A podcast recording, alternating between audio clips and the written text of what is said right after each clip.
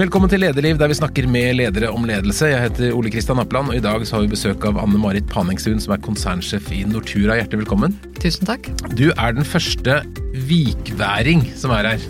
Ja, For det har jeg lest meg opp at du kalles. ja det stemmer det. For du er fra et sted som heter Totenvika. Ja, stemmer. Jeg hadde aldri hørt om det før. Ikke det? Fortell litt om det stedet. Eh, nei, det er jo det er i Østre Toten kommune. Eh, ligger ved Mjøsa, helt eh, syd i kommunen. Eh, sånn at eh, der er navnet Vika, der er Vik i Mjøsa, som eh, denne her bygda Men nærmeste tettsted er jo Skreia. Ja. Så det har flere Men Skibladner stopper der. Ja, det gjør det. Men så står det på Wikipedia. Det står her er det skole og kirke, men få serviceinstitusjoner. Den siste dagligvareforretningen ble nedlagt ca. 2003. Så det, Det stemmer nok, nå det det. Men det er jo kanskje fire-fem kilometer til nærmeste. Ja, for det hørtes litt trist ut akkurat det, men det må jo være mer idy- idyllisk enn som så, vil jeg tro. Det er det, og jeg har også hytte der, så jeg er der mye. mye. Spesielt på sommeren. Men du er altså eh, Du kom som konsernsjef til Nortura i november i fjor, etter å ha vært i Siemens i 34 år og 4 måneder. Det er ganske uvanlig at noen som kommer på besøk her har vært så lenge et sted. Det må ha vært fantastisk fint i Siemens, da. Ja, det var det. Eh, og det er klart, eh, jeg hadde vel ikke drømt om at jeg skulle være der så lenge når jeg starta i 85. Eh, men det er jo et stort konsern, et stort globalt konsern som jobber innenfor veldig, veldig mange bransjer. Slik at jeg har jo ikke hatt den samme jobben over lang tid noen gang, egentlig. Jeg tror den lengste jobben hadde jeg i seks år, og da fikk jeg to barn i den perioden, så da var det liksom greit å ha den samme jobben. Eh, Men jeg har fått veldig mange muligheter både i inn- og utland, og på alle nivåer, så det har vært en fantastisk reise. Men du er både ingeniør og, og bedriftsøkonom. Er det, var du mest eh, tekniker eller mest økonom i, i Siemens? Jeg var nok mest eh, tekniker. Og så ble jeg ganske fort leder, da. Jeg hadde vel vært der eh, tre år eh, da jeg ble leder første gang. Eh, Og da har du jo bruk for begge deler. Og så ble du sjef til slutt. Første, første kvinne. Ja, i Norge i hvert fall. Mm. Mhm. Hva er de beste minnene du har fra alle disse årene i Siemens? Og det er jo veldig mange gjennom så mange år, selvfølgelig. Eh, Men det er jo alle kollegaene, medarbeiderne, og ikke minst eh, det å, å få til eh, ting sammen med ja, både ledergrupper og, og andre. Når man setter seg mål og, og oppnår det, det er, det er stort. Eh, uansett om det er økonomiske mål, eller om det er markedsmål eller eh, andre ting, så er det, det er liksom verdt å jobbe for. Mm. Du gjør noe jenteløft også, jaktet på jenter. Ja, det gjorde vi, og vi har uh, kåra Norges smarteste industribedrift. Uh, men jeg må jo si spesielt de senere årene så har jeg uh, jobba ganske aktivt for oss å få flere kvinner inn i teknologiyrker, og, og i Siemens spesielt. Eh, for det savna jeg når jeg begynte der. Det var få kvinnelige forbilder, spesielt på ledelsessida. Så eh, ja, så det har jeg jobba en del med. Det er et ganske stort skritt å gå fra da et uh, tysk ingeniørselskap til et uh, bondeeid samvirke på, på kjøtt i Norge. Hva var grunnen til at du tok den utfordringen? Det er klart, etter 34 år og jobba helt fra bånn til, eh, til topp, så tenkte jeg at eh, det blir more of the same hvis jeg skal fortsette i, eh, i Siemens. Og jeg er liksom en utålmodig type som har lyst på nye ting og er nysgjerrig og sånn, og så dukka denne muligheten opp. Eh, og, og for en mulighet, egentlig. Eh, et av Norges største konsern. Eh, 24 milliarder i omsetning. Eh, over 5000 medarbeidere og at, over 18 000 eiere. Eh, sånn at eh, dette her var jo virkelig en lederutfordring som jeg syns var både interessant, og som jeg var veldig glad for å, å få muligheten til. da. Du var ikke helt ukjent med landbruket fra før? Nei, jeg er jo vokst opp på et småbruk, eh, men vi hadde ikke dyr. Sånn at eh, det er jo eh, nytt for meg, kan du si. Men jeg er jo vokst opp i ei landbruksbygd. Og det, det har jeg hatt med meg hele, hele veien, og vet hva det vil si å, drive ja, landbruk, jordbruk. At ting må gjøres til riktig tid, og det nytter ikke å ligge utover morgenen, som de sier. Man må opp og gjøre jobben hver dag. Så eh, for å få resultater. eh, Og jeg pleier jo ofte å si at det har gjort meg også til den lederen jeg er. At eh, når vi skulle ha løken i jorda, så var det liksom å da måtte jeg ha planlagt det på forhånd, for jeg visste at eh, den dagen det ble godt vær, så måtte vi ut uansett om eh, jeg hadde ja, Om jeg egentlig skulle lese til prøver eller skrive stil eller eh, gjøre sånne ting, så måtte jeg liksom ha gjort det på forhånd, så jeg måtte planlegge litt, Ja, litt tror- på forhånd, da. Når man er oppvokst på gård, så lærer man å jobbe. Ja, jeg tror det. Og det, det har jeg hatt med meg hele, hele livet, at det lønner seg å jobbe. Det tror jeg er bra. Men da du si, krabba rundt der og planta løk, hadde du noen tanker om at du skulle bli leder for noen av de største bedriftene i Norge? Absolutt uh, ikke. Var du, når var det du lederskapet ditt begynte å formes? Uh, Det var ganske seint. Um, Sjøl om jeg var nok en, eh, en barn og ungdom som liksom tok ansvar, men ikke Jeg var ganske sjenert også, så jeg hadde ikke mange lederoppgaver. Klart klasseleder og, og sånne ting kunne man være, men det, Og jeg begynte jo, jeg tok jo teknologiutdannelse fordi at jeg skal jobbe med teknikk og ikke med folk. Eh, Så det var først etter et par-tre år i, eh, i Siemens eh, som ingeniør at jeg skjønte at eh, jo, ledelse det hadde vært eh, gøy, det hadde vært morsomt. Å jobbe mer med folk og ikke så mye med teknikk. Ikke bare teknikk. Hva var det som trigget deg med det? Nei, det var jo det å, å få folk til å jobbe sammen og få til ting sammen med andre. Ehm, det å ehm, Ja, og så er det litt mer uforutsigbart, kanskje, enn eh, bare teknologi. Det er liksom veldig eh, Ja, når du kan det, så blir det sånn, mens mennesker er liksom Det må du jobbe litt mer med, da. Både for å forstå, være nysgjerrig, ydmyk. Ja, mange ting som du får utfordra deg på. Mhm. Og så kommer det da til denne store eh, landbrukseide eller bondeeide bedriften som jo har slitt ganske mye økonomisk eh, over mange år og er i en omstilling. Hva, er det som eh, du tenker er din største utfordring, din største oppgave fremover? Det blir nok å omstille selskapet, eh, få til lønnsomhet. Eh, og det er klart jeg har ganske mye erfaring gjennom de eh, 34 årene i Siemens i forhold til opp- og nedturer i forskjellige industrier, så har vi måttet omstille mange ganger. Eh, så jeg har ganske mye erfaring fra, fra det, eh, og det tenker jeg kommer eh, godt med. Eh, Nortura har jo mange, eh, mange produksjonsbedrifter. Eh, og det skal de også ha, fordi at vi skal ha slakterier over hele landet, slik at eh, vi kan drive landbruk over hele landet. Men så har vi også bearbeiding, produksjon av, av gilde- og priorvarer. Og de må vi nok eh, være mer påpasselige med, at vi får de lønnsomme, at de eh, blir store, eh, bærekraftige, lønnsomme industribedrifter. Så det er en av de store oppgavene. Men Nortura har jo vært i omstilling i mange, mange år. Altså, det er jo stadig snakk om nedleggelse, endringer og kutt. og sånn. Blir, blir ikke organisasjonen litt utslitt av det, rett og slett? Og måtte forandre seg hele tiden? Jo, det, det kan de nok bli, men det gjelder jo å skape forståelse for hvorfor dette gjøres. Og det er jo ikke den eneste eh, bransjen eller industrien som har vært i omstilling hele tiden. Jeg har jo jobba mye innenfor landbasert industri, og de, de er jo konstant omstilling. eh, Og er utsatt for konkurranse hele tiden. Så, så jeg tror nok det gjelder å, å da å skape forståelse for hvorfor dette er nødvendig, og tegne et bilde for, på hvor vi skal. Og at det er et eh, bra bilde i framtida. Men da du møtte opp da i november på Nortura ny bedrift, første gang du har bytta firma på, på nesten 35 år, eh, hva slags eh, tanker hadde du om at, hvordan leder du ville være? Altså Hvordan ønsker du å bli oppfattet som leder i den jobben? Eh, Jeg ønsker jo å bli oppfatta som en trygg leder som eh, har erfaring og som kan stå i ting, og stå i ting over, over tid. Eh, Samtidig lærevillig og, og ydmyk. Det er jo, som du sier, en helt ny bransje, nye, ny kultur, nye folk, nye måter å gjøre ting på. Så jeg, jeg brukte en del tid, jeg brukte de tre første månedene på å sette meg inn i ting og reise rundt, snakke med mange både eiere, ute i produksjonen, eh, stakeholdere, kundene våre ikke minst, eh, og mange medarbeidere og ledere, for å lære mest mulig om, eh, om bedriften, da. Hvordan står det til med Nortura nå? Vil du gi en diagnose?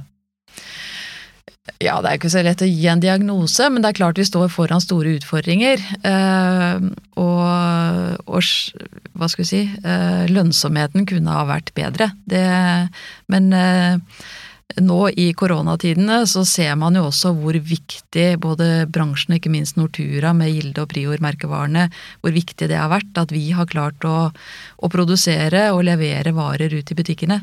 Det var jo spesielt merkbart eh, de første ukene da det var tendens til hamstring. Eh, men det å det har også vært en, eh, en, drive for mange av de ansatte for virkelig å se at eh, de er samfunnskritiske, kjempeviktige i samfunnet med det de, det de gjør. Og jeg tenker at Nortura de står for alle tiders mat, er visjonen. Det vil si vi er på nesten alle nordmenns bord flere måltider hver dag, og både til hverdag og fest. Det er jo liksom få som ikke spiser eh, ribbe eller eh, kalkun i jul- og nyttårshelger. Det er få som ikke spiser pølser 17. mai. Eh, sånn at det å ha dette samfunnsoppdraget i tillegg til å drive verdiskapning og bidra til verdiskapning i mm. hele landet, er jo utrolig en utrolig drive, da. Mm. Tenker du at korona har vært litt positivt for norsk landbruk, med at du har fått vist viktigheten sin mer? Ja, jeg føler at de har liksom retta seg i ryggen og, og fått en, eh, en annen sjøltillit. Eh, og de har også fått eh, veldig mye oppmerksomhet og, kred for det, det, de har gjort, med, med rette. Eh, og jeg håper også at dette vedvarer etterpå, at man skjønner verdien av norsk mat, eh, sunn, eh, lite antibiotika, bidra til norsk verdiskapning eh, osv. Så, videre. så det er veldig mange gode ting med, med norsk mat. Antibiotika, der er vi flinke i Norge? Der er vi veldig flinke i Norge. Og det er kanskje underkommunisert at det er stor forskjell på, på dyrehold i Norge og f.eks. Sør-Europa. Eh, det er mangegangen eh, antibiotikabruk. Eh, og i Norge så bruker vi antibiotika når dyrene er syke. Mens andre plasser så brukes det preventivt. Mm. Og, og, det vil si at det blir veldig, veldig stor forskjell. Hva, hva er farene med det, eller problemene med det? Problemene med det blir jo at vi får eh, antibiotikaresistente bakterier. Mm. Eh, og da får man jo dyresjukdommer som ikke lar seg eh, reparere eller eh, kurere. Eh, I Norge så har vi i liten grad eh, problemer med det i, i dyreholdet. Og så kan man jo tenke seg, det, man ser jo på bakterie... Nei, man ser på antibiotikabruken totalt, både på dyr og mennesker. Så man kan jo lett forestille seg at, at det er mer antibiotikaresistente bakterier også blant mennesker i disse landene som bruker veldig mye i dyreholdet. Mm. Du nevnte at uh, kjøtt er en del av hverdagen for de aller fleste av oss. Men det er jo stadig flere som ikke vil spise kjøtt, og de gir ganske mye lyd fra seg. Er det en trussel for Nortura at vi får mange som ikke vil spise kjøtt, og at miljø, de som er opptatt av miljø, tenker at kjøtt er dårlig? Ja, hvis vi ikke evner å fortelle eh, vår historie i forhold til bærekraft, så, så, kan det være en trussel. Eh, men jeg mener jo at norsk jordbruk, med det vi gjør av eh, av dyr osv., eh, er med på å gjøre altså kjøttproduksjon veldig mye mer klimavennlig. Ikke bare det, men vi har stort fokus på også alt det andre vi kan bidra med, med å redusere fossilt forbrenning gjennom transport og og fyring osv. Så videre. sånn at eh, det er veldig mye som skjer både ute hos eh, produsentene, altså hos bonden, og hos oss som industri. Mm. Hvis du kategoriserer produktene deres, da, altså kylling og kalkun og gris og sau og storfe osv., hva, hva, hva er best og verst sånn klimamessig? Eh, altså det, det, beste klimamessig er jo kyllingen og, og egg. Eh, det spørs jo litt hvordan man regner dette her også. Eh, og så er det jo gjerne de som har kraftig kraftfòrbaserte. Eh, så det kommer jo også an på storfe. Er den kraftfòrfòra, eller er den mm. eh, ikke? Så, men tradisjonelt så blir jo eh, storfe kanskje regna som den som er har størst avtrykk, da. Du ble jo intervjuet rett før du tiltrådte og sa jeg spiser ikke veldig mye kjøtt, i hvert fall ikke rødt kjøtt, til Bondebladet. Og så sa en kjøttprodusent at det var det verste, den, antagelig den dårligste formuleringen i historien. Hvordan opplevde du det? Ja, det, jeg kan jo, være, kan jo være enig i at eh, eh, hvis det var eh, sånn jeg hadde sagt uten, noe, uten konteksten, så, så hadde det vært eh, den verste uttalelsen. Men det er jo alltid sånn at eh, eh, det blir trukket eh, ut av konteksten. Eh, Men jeg kan jo forsikre alle om at jeg spiser eh, både rødt og hvitt kjøtt, og, og fisk også. Har et balansert kosthold som, eh, eh, ja, som de fleste andre. Eh, Så det var nok mer en eh, sånn eh, trukket helt ut av sammenhengen sak. Så du har klart å bygge opp relasjonen igjen til kjøttprodusentene? Jeg håper det. Ja. Men dere, det er jo ikke bare kjøttet som er, har et klimaavtrykk, det er jo også emballasjen. Dere jobber ganske mye på emballasjesiden. Absolutt. Og det er en viktig, veldig viktig del. Vi bruker mye ressurser og, og krefter på, på det, å skaffe fram emballasje som er både gjenvinnbart og bruk av gjenvinnbare ressurser. Eh, Så jeg ber jo forbruker kanskje også se på det når de skal kjøpe eh, middagen sin. Eh, Hvordan er emballasjen? For jeg tenker der ligger vi, vi langt framme. Vi ligger også langt framme med å ha emballasje som gir lang holdbarhet på f.eks. kjøttdeig. Og det er jo viktig også i et bærekraftperspektiv, at lite mat går til spille. Minst For der er, der er plasten kommet litt høyere ut. Folk tenker at plast er veldig negativt, men vi er vel helt avhengig av plast hvis vi skal ta vare på mat? Ja, vi er nok avhengig av plast i en eller annen format, eh, men vi kan både bruke bioplast og resirkulerbar eh, plast. Eh, Men vi må hele tida avveie holdbarheten på produktene i forhold til hvilken type plast vi bruker. Så dette er en, ja, er en kunnskap i seg selv å, ja, forske ut dette her. Mm. Men En ting er motstand mot kjøtt, som dere har opplevd, men så er det også noen som har motstand mot dyrehold og måten dere behandler dyr på. Hvordan er det å være okse i Nortura-systemet? Det tror jeg er enden er jo litt trist, men altså, underveis, hvordan, hvordan har dyrene det? Det, det er veldig bra. Altså Norge ligger jo på topp når det gjelder eh, dyrevelferd. Eh, og vi har gode mekanismer, gode eh, systemer for å følge opp dette. Eh, og hos oss så er jo Mattilsynet på eh, våre linjer hver morgen. Vi kan ikke starte opp et slakteri eller en produksjon uten at Mattilsynet er på plass eh, hele tida. Og de ser også, de går i fjøset, ser over at alle dyr har hatt det bra, og hvis de ikke har hatt det bra, så går vi til den produsenten eller de som har levert dette her, og, følger opp det. Så jeg føler meg veldig trygg på at vi har de beste systemene i verden. Eh, og så når det er sagt, så er det alltid råtne egg i kurven. Eh, og det, det er sånn det er når det er mange som mm. leverer. Dere ble jo fikk oppmerksomhet Det var litt før du startet, da, med den dokumentarfilmen i fjor på Brennpunkt om eh, hvor det ble avdekket dårlig behandling av griser og sånn. Mm. Hva gjør den typen avsløringer med organisasjonen? Du har vel sett spor etter det? Ja, altså det, For det første, den setter jo en veldig beredskap i organisasjonen. Eh, for eh, dyrevelferd, det eh, som jeg sier, det er license to operate. Eh, hvis vi skal ha troverdighet hos forbrukere, så må vi ha god dyrevelferd. Eh, Så det setter en veldig beredskap, en veldig eh, stor aktivitet mot å unngå sånne ting i, eh, i framtida. Og selvfølgelig å ordne opp i det som er. Nå skal jo sies at en relativt liten del av det som ble vist i den, den filmen, var Nortura-leverandører, eller eiere, men allikevel én av én for mye. Men hva gjør det med organisasjonen? Altså blir man, blir, blir, ja, hvilke effekter får det internt? Eh, Som sagt, det settes veldig mye eh, ressurser inn på å unngå det i framtiden. Eh, Dette er ting man ikke kjenner seg igjen i og ikke vil bli kjent igjen i. Så, så masse fokus på å unngå det, rett og slett. Men nå er du jo veldig heldig, for nå er jo grensen stengt, så nå er det ingen som drar til har- harhandel i Sverige. Men mange sier jo at norsk kjøtt er dyrt i forhold til hva du kan kjøpe på, på Nordby. Hvorfor er det sånn? Hvorfor koster kjøtt eh, mindre i Sverige? For det, for det første så er jeg jo ikke sikker på at kjøttet er så veldig mye billigere i, eh, i Sverige. Eh, og så kommer jo det fra eh, land, ikke nødvendigvis Sverige, det kommer eh, fra mange land. Eh, det kjøttet som blir eh, solgt der. Og når vi snakker om antibiotika, så er jo det én ting som jeg tenker at folk må tenke på.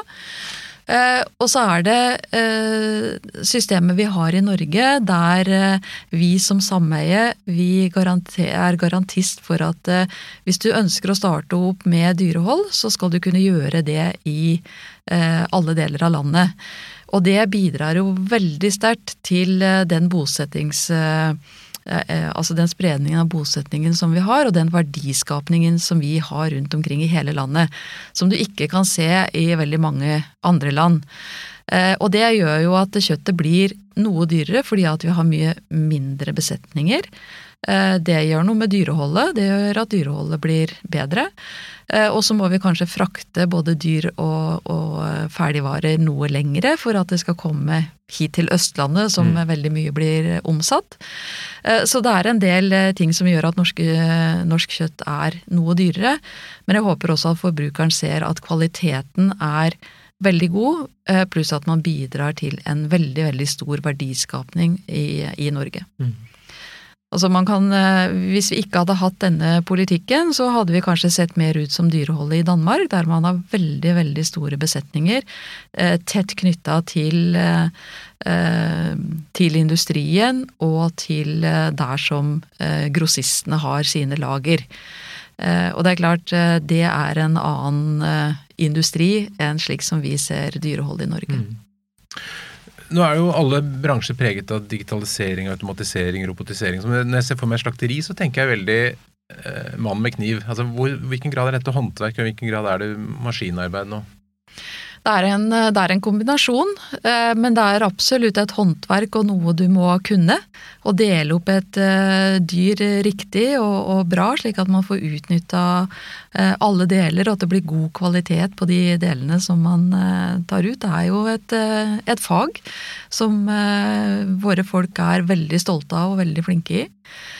Eh, samtidig så finnes det etter hvert eh, roboter og maskiner som hjelper til, fordi at det er et tungt arbeid. En stor okse veier, veier mange kilo, det er tungt å håndtere. Eh, sånn at de hjelper til med, med sager og frakting og, og, logistikk i et slakteri. Men vi er fortsatt avhengig av fagkompetanse i, i våre, vår produksjon. Men har du noe, liksom, noe lure triks med deg fra Siemens som du har tenkt å rulle ut i Nortura? Ja, jeg tenker at vi alltid kan bli bedre på, på logistikken eh, i, en, eh, i, en, fabrikk. At det håndverket det skal selvfølgelig gjøres der og da, eh, men det skal et dyr og de, stykningsdeler som det heter skal fraktes rundt, og det skal merkes, logistikken skal være på plass. Der kan vi alltid bli veldig mye bedre. Mm. Jeg vet at du har omorganisert eh, eller laget ny ledergruppe fra 1.1. Uten å gå for dypt i det, kan du si litt hvordan, hvordan tenker du når du skal bygge en organisasjon, ledergruppe, for å gjøre de endringene du skal? Uh, Nortura er jo en veldig stor organisasjon, som jeg sa, med 5000 ansatte. Mange produksjonsenheter. Uh, mange, mange, kunder, mange grupper. Eh, veldig, veldig, bred organisasjon. Så det jeg har gjort, er at jeg har delt opp mer i forretningsområder. Eh, slik at det er klare ansvarsområder som hver enkelt konserndirektør har ansvar for. Eh, tidligere så kom jo resultatet til sammen på, konsern, eh, hos konsernsjefen. Og da blir det veldig mye detaljer som skal opp til meg. Slik at det å ha resultatansvarlige på nivå under meg, tenker jeg er veldig viktig i en så bred og stor organisasjon. Er dette noe du har tatt med fra Siemens? Ja, delvis, men det er også ganske naturlig, vil jeg si, i, en, eh, i enhver organisasjon. At man har eh, veldig klare ansvarsområder, også økonomisk. Mm. Blir det mer jobb eh, for deg å forholde deg til eierne når du har så forferdelig mange av dem? Ja, det er jo mange meninger, og mange meninger som skal eh, bli hørt fra, fra eierne. Og dette er jo ikke aksjeeiere, det er 18 eh, 000 daglige ledere som mm. driver sin bedrift. Eh, som er veldig opptatt av hva vi gjør og hvordan vi driver bedriften, og sånn skal det være. Så ja, jeg bruker og skal bruke mye tid på eierne også. Må du være en annen type leder i, i Nortura enn du var i Siemens? Ja, begge deler. Altså mange prinsipper og mange ting er veldig likt. Mange ting eh, fungerer, eh, opplever jeg fungerer eh, godt begge plasser. Eh, og så er det en del ting som eh, må gjøres litt eh, annerledes. Og så er det også fordi at jeg er ny, så jeg må bruke mer tid på å lytte og lære. Mm. I forhold til der jeg nesten er født og oppvokst. Men mange prinsipper fungerer godt også, ja, altså begge, del, begge plasser. Mm. Hva, hva, tenker du er de viktigste liksom, lederprinsippene dine? Det er å, å, skape en eh, felles forståelse og et felles team i forhold til hvor man eh, skal, eh, og at alle vet hva de skal bidra med på den, den reisa. Og det er klart, det å skape den forståelsen, da må man ha en viss oversikt over hvor man er. Det å ha struktur og gjøre analyser og sånn i bånn, tenker jeg er viktig for å danne et fundament på hvor man er, og så peke ut veien hvor man skal, og hvorfor man skal eh, gjøre de, de grepene man skal. Eh, og, og, få folk til å jobbe sammen. Mm.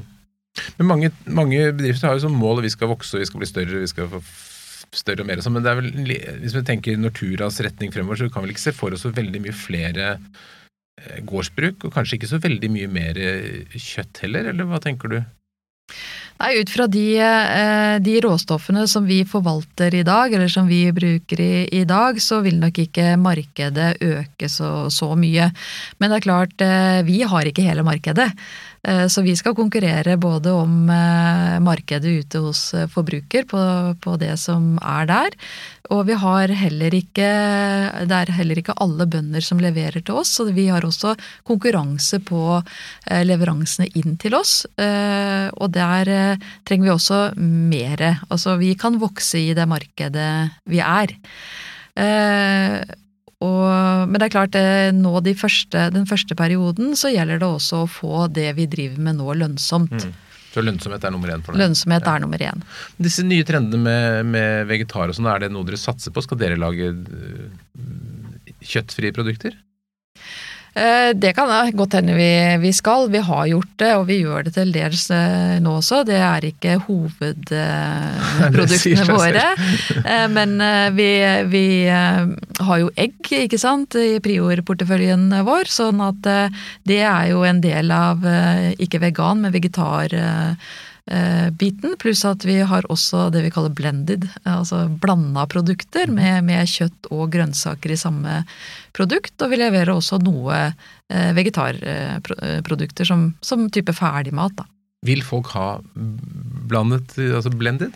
Ja, mange, mange, vil det. Og jeg tror kanskje barnefamilier f.eks., der man eh, kanskje sliter med å få barna til å spise grønnsaker, så kan det være en, et godt supplement.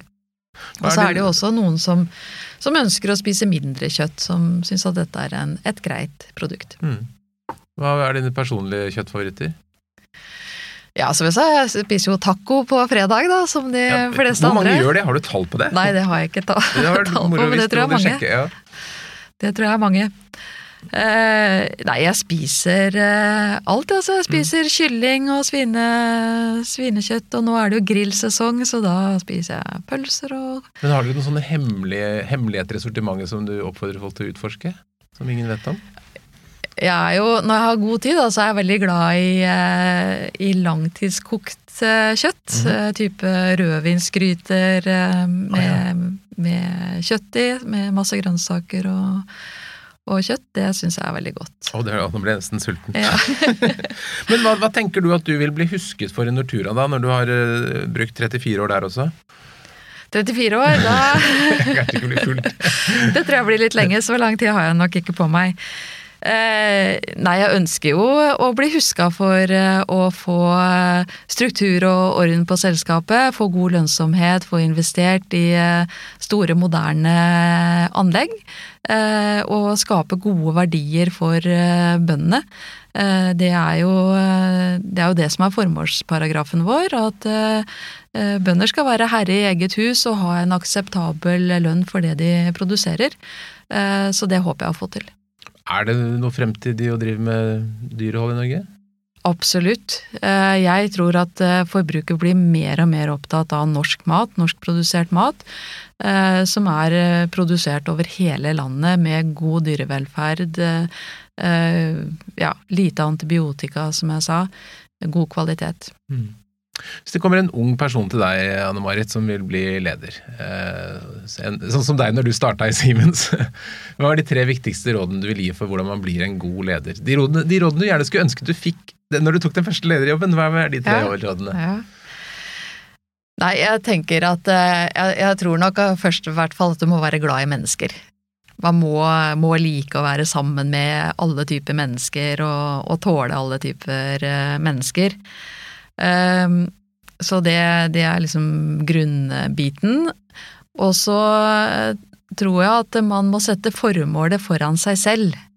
Eh, jeg ser veldig mange ledere som jeg kanskje syns ikke er så veldig gode, som setter eh, seg og sin karriere foran selskapet og det formålet de har satt til å gjøre. Så det å være ambisiøs på, på selskapet og på oppdraget sin vegne, og ikke så mye på seg selv. Det tror jeg er veldig viktig for å bli en god leder. Eh, og så tror jeg det er viktig å være trygg eh, og, eh, og få folk med seg. Være tydelig, eh, klar på både målbildet og hva man ønsker, og, og klare å få folk med seg på sine tanker. Er det vanskelig noen ganger å fremstå veldig trygg når man kanskje er litt i tvil på innsiden? Jeg syns ikke det, men er, jeg er en veldig sånn rolig person. Det er klart, Nå har jeg fått noen år på baken også, så det var nok ikke alltid sånn. Um, men uh, nei, jeg føler at det er ganske enkelt. Så bra. Tusen takk for at du kom til Lederlivet, Anne Marie. Jo, bare hyggelig. Lederliv er en podkast fra kommunikasjonsbyrået Apeland. Eh, de som er i redaksjonen er Ellen Paulsen, Lars Jarle Melum, Lars Volden og meg, Ole Kristian Apeland. Og vi kommer hver uke med nysending på fredager. Hvis du har en uh, idé eller tips eller innspill til oss, så finner du mailadressen vår på lederliv.no.